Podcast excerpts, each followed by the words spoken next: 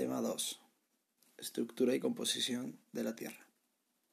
Método de estudio del interior terrestre. Índice. 1. Introducción, justificación y relación con el currículo. 2. Método de estudio del interior terrestre. Densidad, onda sísmica, tomografía sísmica, meteoritos, vulcanismo y otros métodos de estudio como sondeos mecánicos, sumergibles, sondeo eléctrico, cartografía y detección. 3. Estructura y composición de la Tierra. Corteza continental y oceánica, manto superior e inferior, núcleo externo e interno. 4. Propiedades físicas de la Tierra. Calor interno, gravedad y anomalía gravitatoria, isostasia, campo magnético, anomalías magnéticas y paleomagnetismo. 5. Conclusión bibliografía. El interior de la Tierra ha sido uno de los grandes misterios históricos de la humanidad. Mucho se ha escrito sobre él, pero quizá una de las obras más representativas fue Viaje al centro de la Tierra, de Julio Verne, que narra la aventura de un geólogo que trata de llegar al centro de nuestro planeta. Pero además del interés general, el conocimiento del interior de la Tierra es sumamente importante para los geólogos, ya que la mayor parte de las actividades geológicas que podemos ver en superficie, como el vulcanismo o los terremotos, tienen origen dentro de la Tierra. Hoy en día se sabe que la Tierra, el interior de la Tierra está dividido en capas, más o menos bien diferenciadas, que principalmente son la corteza, el manto y el núcleo. Pero para comprender esta separación en capas, es importante que nos remontemos mucho tiempo atrás, tanto como hasta llegar al origen de nuestro sistema solar. Hace unos 4.500 millones de años, a partir de la nebulosa primordial, los planetas se fueron creando por un proceso de acreción, que es pues, la creación de un cuerpo mayor por colisión de otros cuerpos menores. En este proceso, que duró unos 50 millones de años, todos estos impactos que fueron creando la Tierra consiguieron elevar la temperatura de nuestro planeta entre unos 8.000 y 10.000 grados centígrados.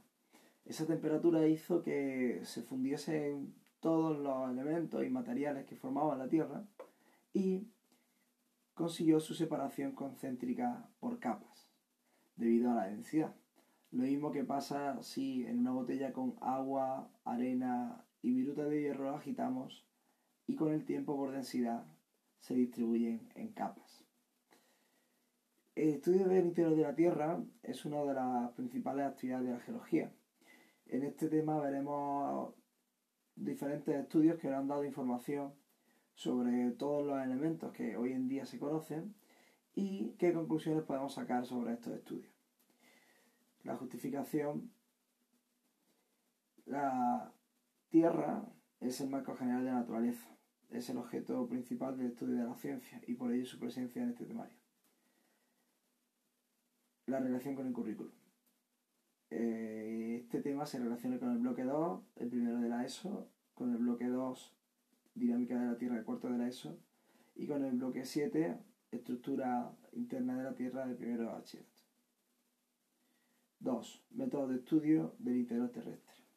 Ondas sísmicas. Hoy en día, el túnel más profundo cavado por el ser humano apenas tiene unos 12 kilómetros de profundidad. Por lo tanto, es imposible estudiar el interior terrestre de manera directa. Pero sí hay muchos métodos de estudio que nos arrojan evidencias indirectas para conocer el interior de la Tierra. Uno de los más importantes son las ondas sísmicas. Las ondas sísmicas son un tipo de onda elástica que puede ser causada por diversos factores, como un martillo neumático o un tren. Pero solo las más potentes, como las provocadas por explosiones nucleares o por grandes terremotos, consiguen atravesar la Tierra y darnos información sobre el interior de la misma. Nos vamos a centrar en las ondas que están generadas por los terremotos son las ondas sísmicas. Hay dos tipos de ondas sísmicas, las superficiales, que son las que generan los daños materiales en los terremotos, las que destruyen las ciudades y los pueblos. Y luego están las interiores, que son las más interesantes para el estudio interior de la Tierra. Hay dos tipos de ondas interiores, la onda P y la onda S.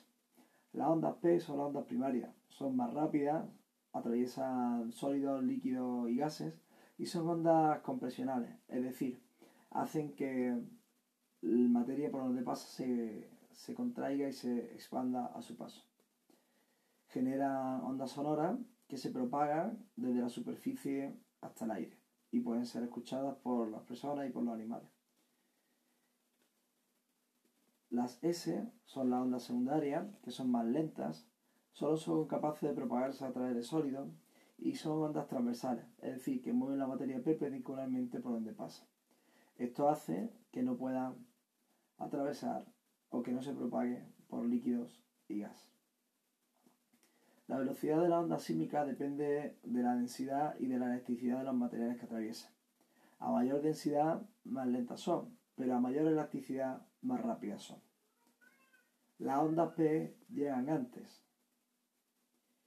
Por lo tanto, también el comportamiento de las ondas y el tiempo que tardan en llegar de un sitio a otro aportan información del interior terrestre.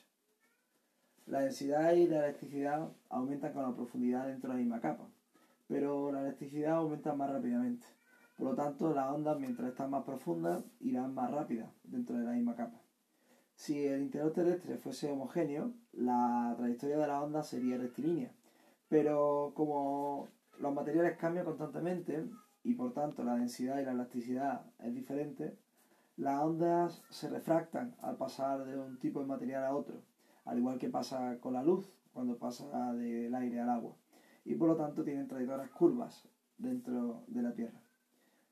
También experimentan el fenómeno de la reflexión, al igual que la luz, y esto ocurre cuando los rayos sísmicos encuentran una interfase y parte de los rayos se reflejan y vuelven al lugar de donde salieron. Si conocemos la velocidad de la onda y el tiempo que tarda en llegar y volver de la interfase, podemos saber a qué profundidad exactamente se encuentra esta interfase. Esta es una información muy valiosa para conocer las capas de la Tierra, pero también para extraer petróleo, por ejemplo. Aunque los cambios de velocidad eh, son continuos en el interior terrestre. La velocidad de las ondas P aumenta muy rápido en la base de la corteza y luego disminuye abruptamente a los 2.900 kilómetros. Esos cambios indican que hay una separación neta o discontinuidad, es decir, que hay un cambio significativo de las propiedades y composición de los materiales. Y esta es la base de la división del interior terrestre en capas. Pero el modelo que hemos visto hasta ahora, de la Tierra dividida por capas, es correcto, pero es un poco impreciso. Hoy en día se desarrolla una técnica que nos consigue dar una información bastante más acertada sobre el interior terrestre. Y se realiza a través de la técnica de la tomografía sísmica. En los años 70 se desarrolla una nueva técnica llamada tomografía sísmica que nos permite recoger imágenes en tres dimensiones del interior de la Tierra. Y esto es debido a que se introducen simógrafos digitales, hasta ahora los simógrafos siempre han sido analógicos, y unos simógrafos con una alta sensibilidad, que graban los datos ya en un soporte informático y son almacenados por el Centro Sismológico Internacional. Todos esos datos confluyen en una compleja red de información que analiza todas las ondas sísmicas que llega a ellos y nos genera imágenes en tres dimensiones mucho más precisas del centro de la Tierra. Es algo similar a lo que realizamos con los rayos X en nuestras radiografías. Gracias a estas técnicas de tomografía sísmica, se han encontrado zonas en el manto a unos 150 kilómetros de profundidad en las que las ondas sísmicas son más lentas, en las denominadas zonas normalmente calientes, que se encuentran bajo volcanes y dorsales oceánicas. También hay zonas normalmente frías, en las que se encuentran debajo de zonas continentales antiguas. También hemos conseguido información sobre el núcleo y sobre el límite entre el núcleo y el manto inferior. Y se ha visto que la interfase núcleo-manto no es lisa, sino que tiene elevaciones y depresiones, que se han dado a conocer como anticontinentes y antimontañas. Pero estas son dos técnicas que se han desarrollado a partir de algo muy básico que ya se sabía hace unos 300 años, y es que la Tierra no era homogénea. Y esto se sabía debido a estudios de densidad. Ya Newton, eh, alrededor de 1800, descubrió que la densidad de la Tierra tenía de media entre 5 y 6 gramos por centímetro cúbico. Un poco más tarde, Henry Cavendish demostró que la densidad de la Tierra era de 5,5 gramos por centímetro cúbico, valor que es aceptado hoy en día. Si las piedras de la corteza tienen una densidad media entre 2 y 3 gramos por centímetro cúbico y la densidad media de la Tierra es entre 5 y 6, podemos saber que el interior terrestre va a tener rocas muy diferentes a la corteza y que también van a tener mucha más densidad que esta. Una vez que ya sabíamos la densidad, sabíamos las diferencias concéntricas, también hemos obtenido información sobre algo realmente curioso, los meteoritos. Los meteoritos son trozos de asteroides que no se desintegran en nuestra atmósfera y caen en la superficie de la Tierra. Y aunque, suena aunque pueda parecer contradictorio, el estudio de los meteoritos ha sido clave en el estudio de la edad de nuestra Tierra. Un estudio reciente publicado en la revista PENAS de la Universidad de Australia ha certificado que la edad de la corteza terrestre es de 4.500 millones de años. Y esto lo ha hecho analizando el circón mineral que hay en nuestro planeta con el circón mineral que hay en los meteoritos que han caído en la superficie de la Tierra. También es interesante los materiales que son expulsados por volcanes, así como lava o inclusiones magmáticas, ya que son rocas que se crearon en el interior de la Tierra, pero que por procesos geológicos salen expulsadas fuera y las podemos estudiar. Especialmente interesantes en este sentido son las inclusiones de peridotitas en kimberlitas, ya que analizando estas inclusiones y la composición de estas kimberlitas, se puede saber a qué profundidad se formaron y qué materiales había alrededor. Dentro de otros métodos de estudio tenemos sondeos mecánicos profundos, como el International Ocean Deep Program, que es un programa de colaboración internacional de 27 países alrededor del mundo, que está realizando plataformas, eh, están realizando perforaciones en plataformas de investigación profundas para tratar de averiguar más sobre el interior de la Tierra. También se han desplegado sumergibles con sonar, se han hecho sondeos eléctricos profundos y la cartografía y la teledetección también ayudan mucho en este sentido. 3. Estructura y composición de la Tierra. Gracias a todos estos métodos de estudio que hemos visto, se ha dibujado de una manera bastante precisa el interior de la Tierra. La primera capa que encontramos, o la más superficial, la corteza, es la más accesible y por tanto la mejor conocida. Se reconocen dos tipos de corteza, la corteza continental y la corteza oceánica. La corteza continental es un poco más compleja ya que está eh, formada por una variedad de rocas, tanto ígneas como metamórficas como sedimentarias. Se describe a veces como granítica, ya que su composición media es similar al del granito. La mayor parte de la roca está entre 2 y 3 gramos por centímetro cúbico de densidad, aunque su densidad media es de 2,7 gramos por centímetro cúbico. Su espesor varía eh, desde las zonas más delgadas de los rifts hasta las zonas más anchas debajo de las montañas, como en el Himalaya. Su grosor medio es de unos 35 centímetros. Y en su estructura horizontal encontramos cratones y cordilleras. La corteza oceánica es un poco más simple, ya que solo está formada por roca ígnea, ya sea plutónica o volcánica. Su densidad media es mayor, aproximadamente unos 3 gramos por centímetro cúbico. Su espesor varía ligeramente menos, ya que solo varía de 5 a 10 kilómetros, y es más delgada bajo las dorsales centrooceánicas.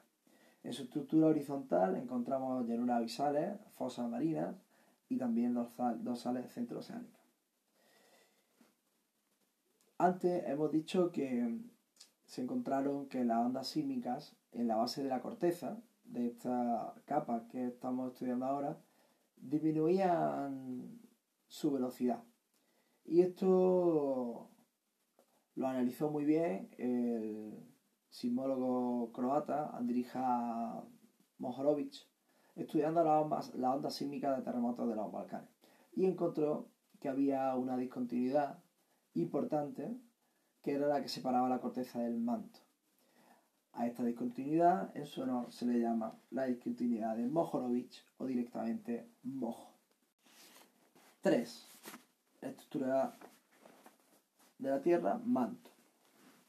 El manto ocupa el 80% del volumen de la Tierra. Es una capa muy gruesa, de casi 2.900 kilómetros de profundidad, que va desde la discontinuidad de Mohorovic hasta el núcleo externo líquido. Se divide normalmente en dos partes, en el núcleo superior y en el, manto superior y en el manto inferior. El manto superior va desde la discontinuidad de Mohorovic hasta los 660 kilómetros y a su vez se divide en tres capas.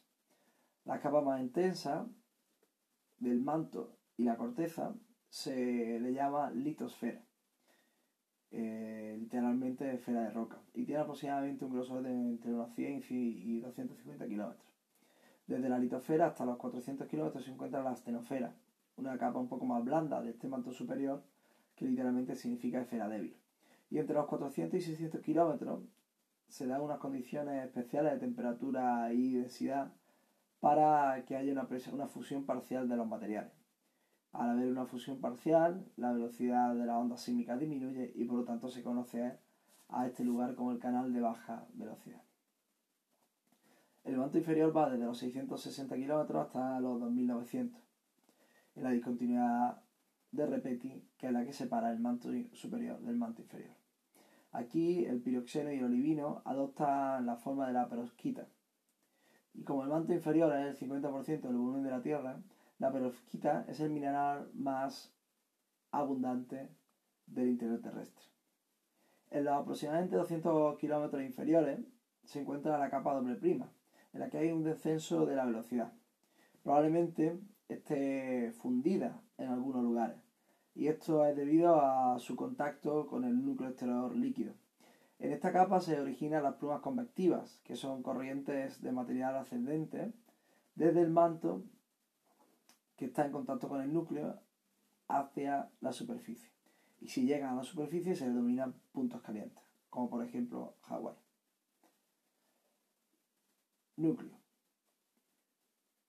En 1914, Gutenberg descubrió la discontinuidad que separaba, o identificó, mejor dicho, la discontinuidad que separaba el núcleo del manto y por lo tanto lleva su nombre, la discontinuidad de Gutenberg. Esta discontinuidad está situada a los 2.900 kilómetros y años más tarde una sismóloga danesa, Inge Lehmann, eh, se dio cuenta de que la onda sísmica no se propagaban, las ondas S no se propagaban en el núcleo externo, pero sí se podían propagar, propagar el núcleo interno. Por lo que dedujo que el núcleo estaría separado en dos capas, una externa líquida y una interna sólida. La discontinuidad que separa el núcleo externo y el núcleo interno se le llama discontinuidad de Lima en su honor y se encuentra a unos 5.100 kilómetros aproximadamente. Ambos, tanto el núcleo externo como el interno, se piensa que están formados principalmente por hierro. Pero el núcleo externo, como es menos denso que el núcleo interno, se sabe que tiene aproximadamente un 15% de otros materiales menos densos, como potasio, azufre o silicio.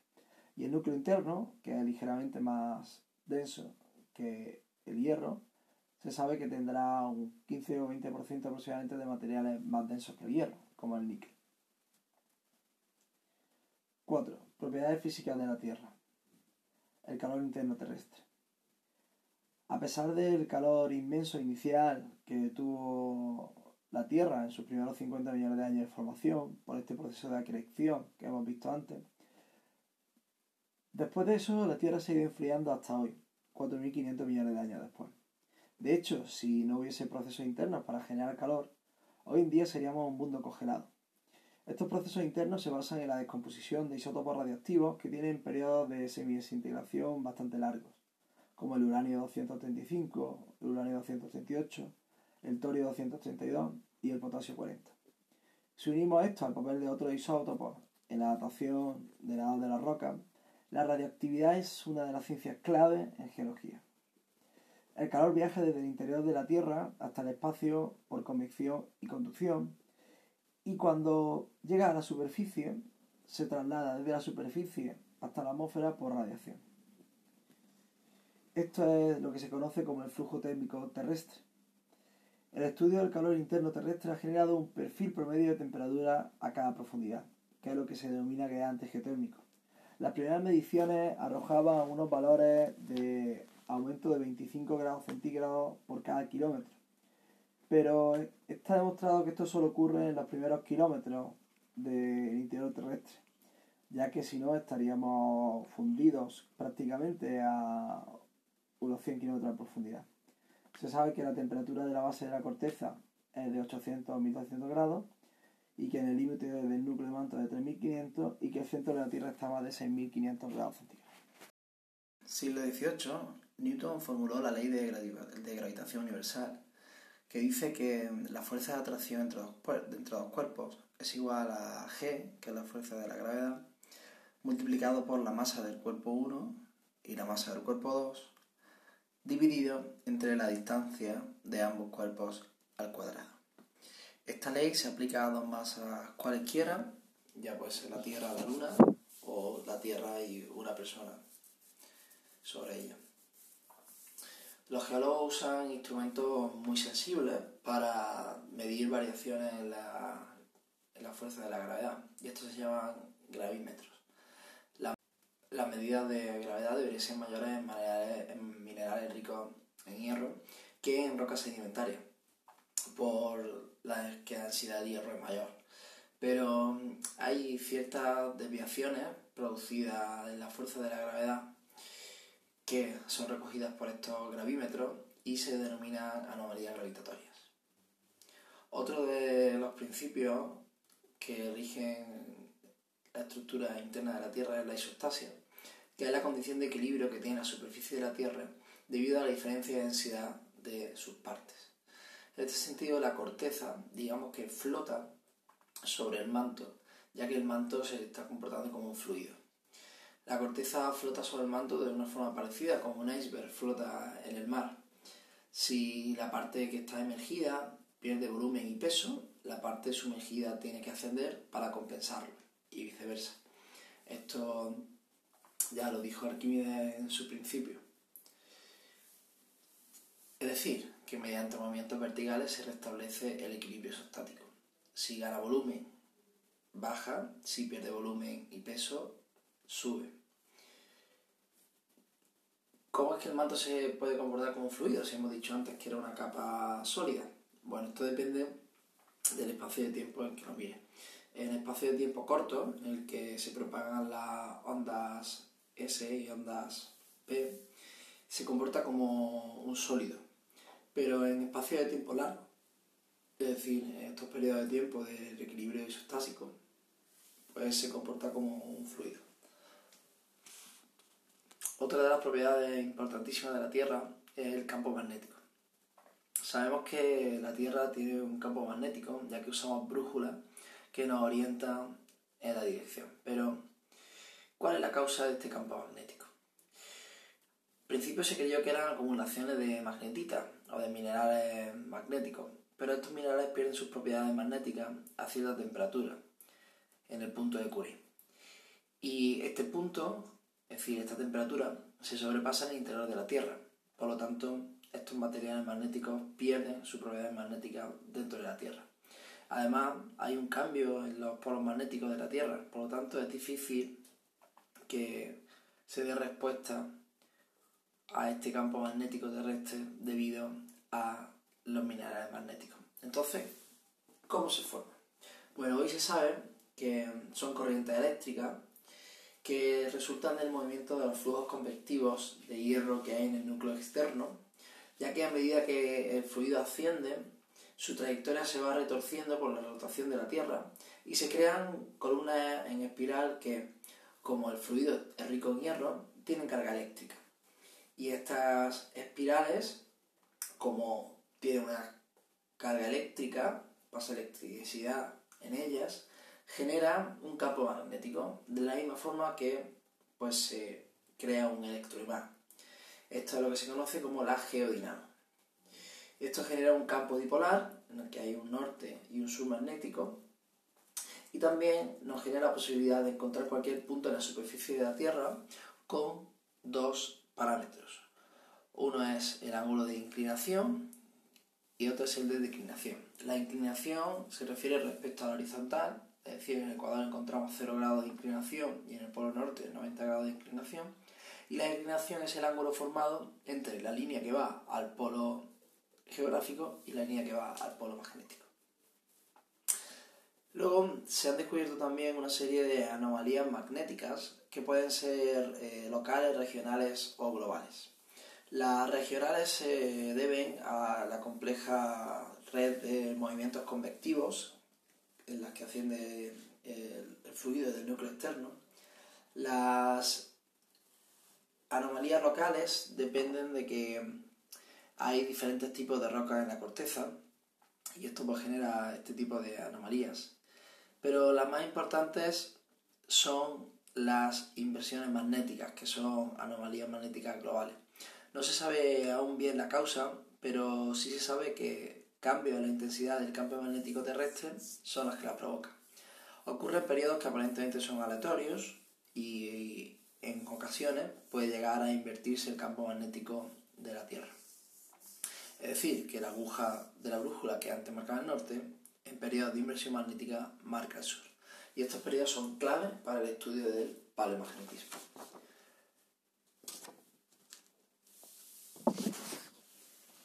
Ahora vamos a ver el paleomagnetismo. El paleomagnetismo es el magnetismo remanente que tienen rocas antiguas que registraron la dirección e intensidad del campo magnético terrestre cuando se formaron. Cuando el magma se enfría y alcanza el punto de Curie, los minerales magnéticos o de hierro consiguen ser magnéticos, valga la redundancia. Y cuando consiguen este magnetismo, se alinean con el campo magnético que hay en la Tierra. Entonces registran la dirección e intensidad de ese campo magnético cuando estas rocas se crean. Y salvo que estos minerales vuelvan a ser calentados por encima del punto de Curie, que no suele ocurrir, mantienen el registro de la dirección e intensidad del campo magnético cuando se crearon. Y esto se usa para saber la dirección de los polos magnéticos cuando estas rocas se formaron. Los científicos llaman al campo magnético actual el campo magnético normal, pero en 1960 se descubren rocas que tienen un magnetismo invertido, es decir, que grabaron una dirección de los polos magnéticos inversa a la actual cuando se formaron. Y luego se ha descubierto que el campo magnético de la Tierra se ha invertido numerosas veces. Las rocas tienen magnetismo, que, o las rocas que tienen magnetismo igual al actual se dice que tienen polaridad normal. Y las rocas que tienen el magnetismo opuesto se dice que tienen polaridad invertida. Se han descubierto modelos con polaridad invertida y polaridad normal en el fondo del océano.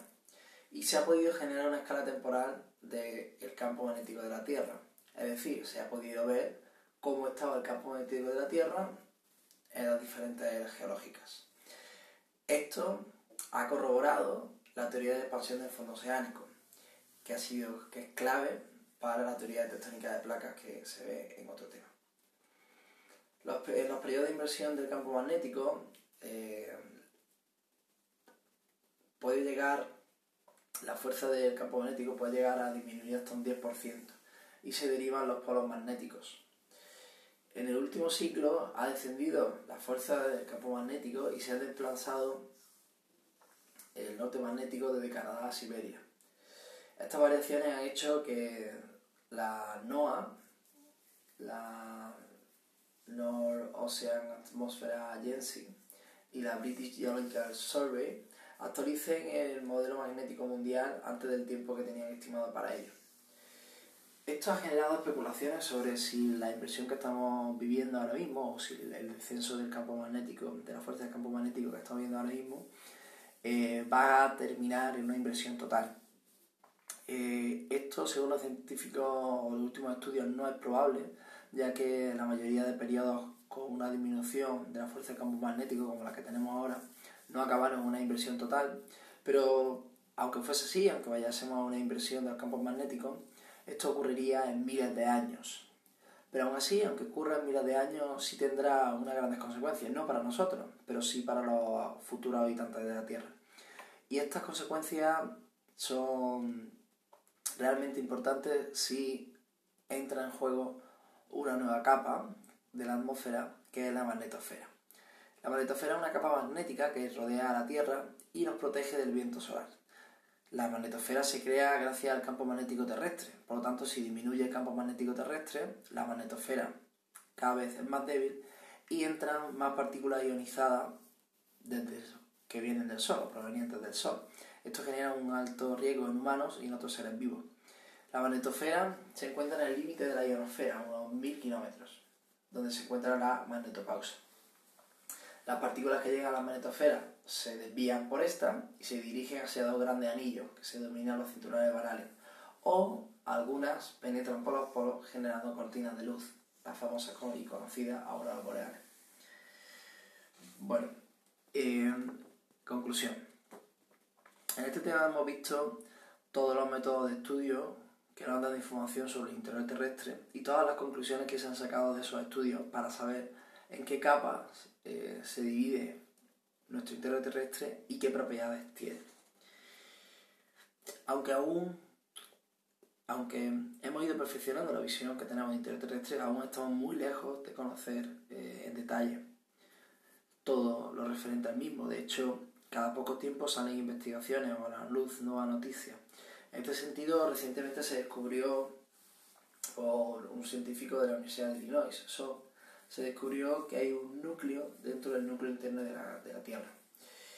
Y bueno, aunque estamos lejos de descubrir, y probablemente nunca ocurra, lo que imaginó Julio Verne en la novela que hablábamos al principio, la ciencia cada vez más acotará las dudas sobre el centro de la Tierra. Y quién sabe, quizá algún día se pueda estudiar de manera directa el centro de la misma. Bibliografía. de Moreno, Procesos Internos, Geología, 1921, Bastila F, Geología, Una Visión, TREA, 2005, Lujan y Ciencia de la Tierra, Una Introducción a la Geofísica, NOAA.gov, bgs.ac.bk y igme.es.